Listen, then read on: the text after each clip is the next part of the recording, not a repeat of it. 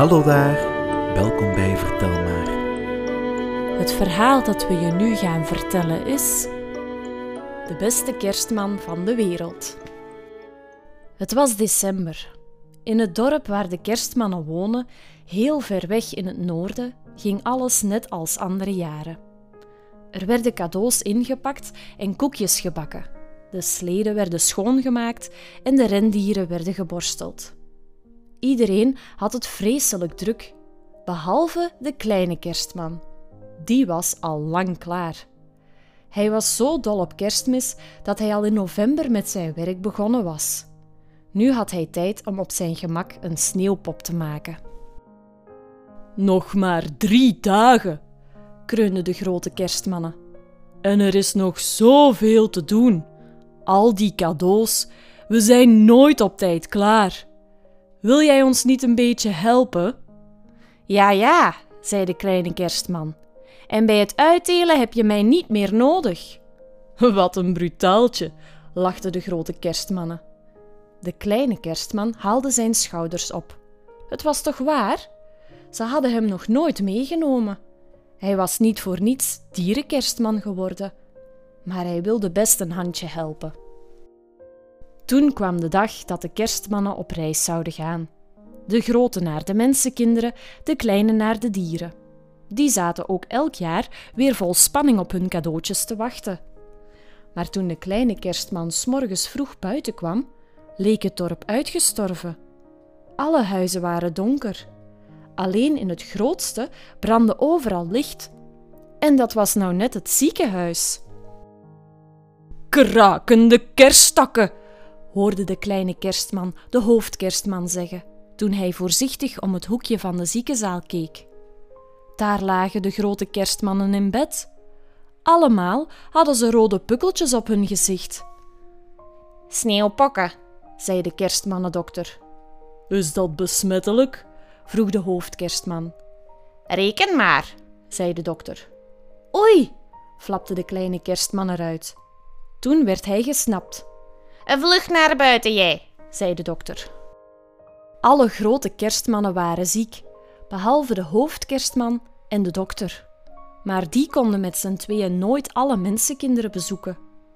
Trouwens, de dokter kon beter bij zijn patiënten blijven. Wat moesten ze doen? De dieren, riep de kleine kerstman.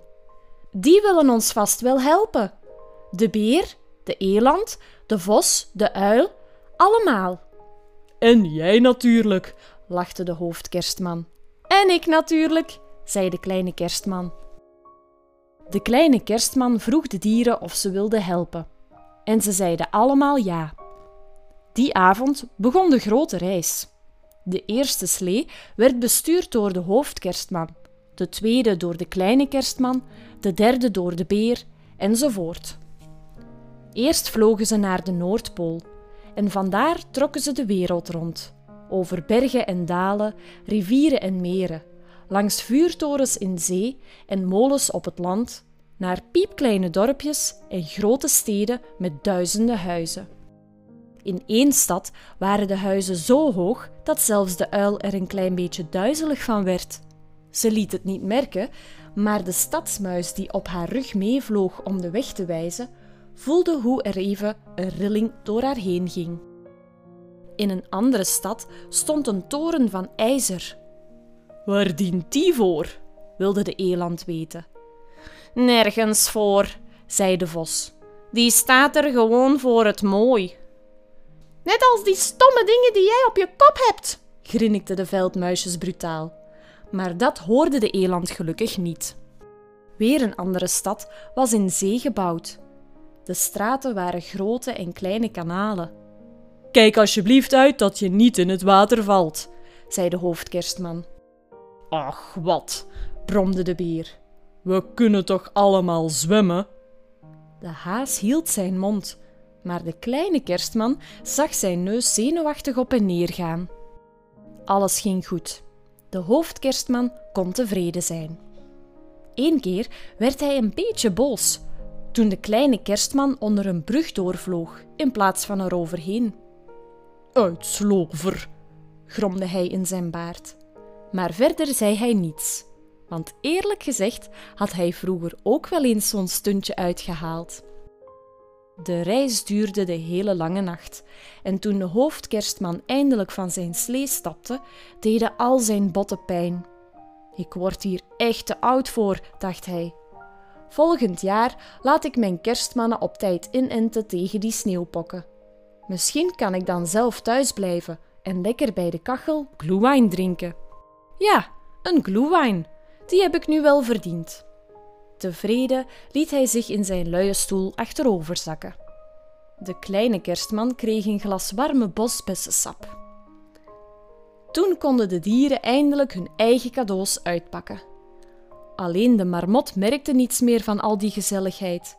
Hij was in slaap gevallen. De zieke kerstmannen kregen alleen waterige soep en medicijnen, nog minstens een week. Mogen we niet eens een kerstkransje? vroegen ze. Kerstkransjes zijn heel gezond. Niet bij sneeuwpokken, zei de dokter. De kerstmannen mopperden nog een tijdje door, maar toen dachten ze aan de oliebollen. Die mochten ze vast wel hebben met oud en nieuw. De mensenkinderen waren blij met hun cadeautjes. Dat die dit jaar door een stel rare kerstmannen waren rondgebracht, was niemand opgevallen. Op één klein jongetje na. Hij was die nacht wakker geworden en had stiekem uit het raam gekeken. Weet je dat de kerstman van achteren op een eland lijkt? zei hij tegen zijn vrienden. Maar natuurlijk was er niemand die dat geloofde.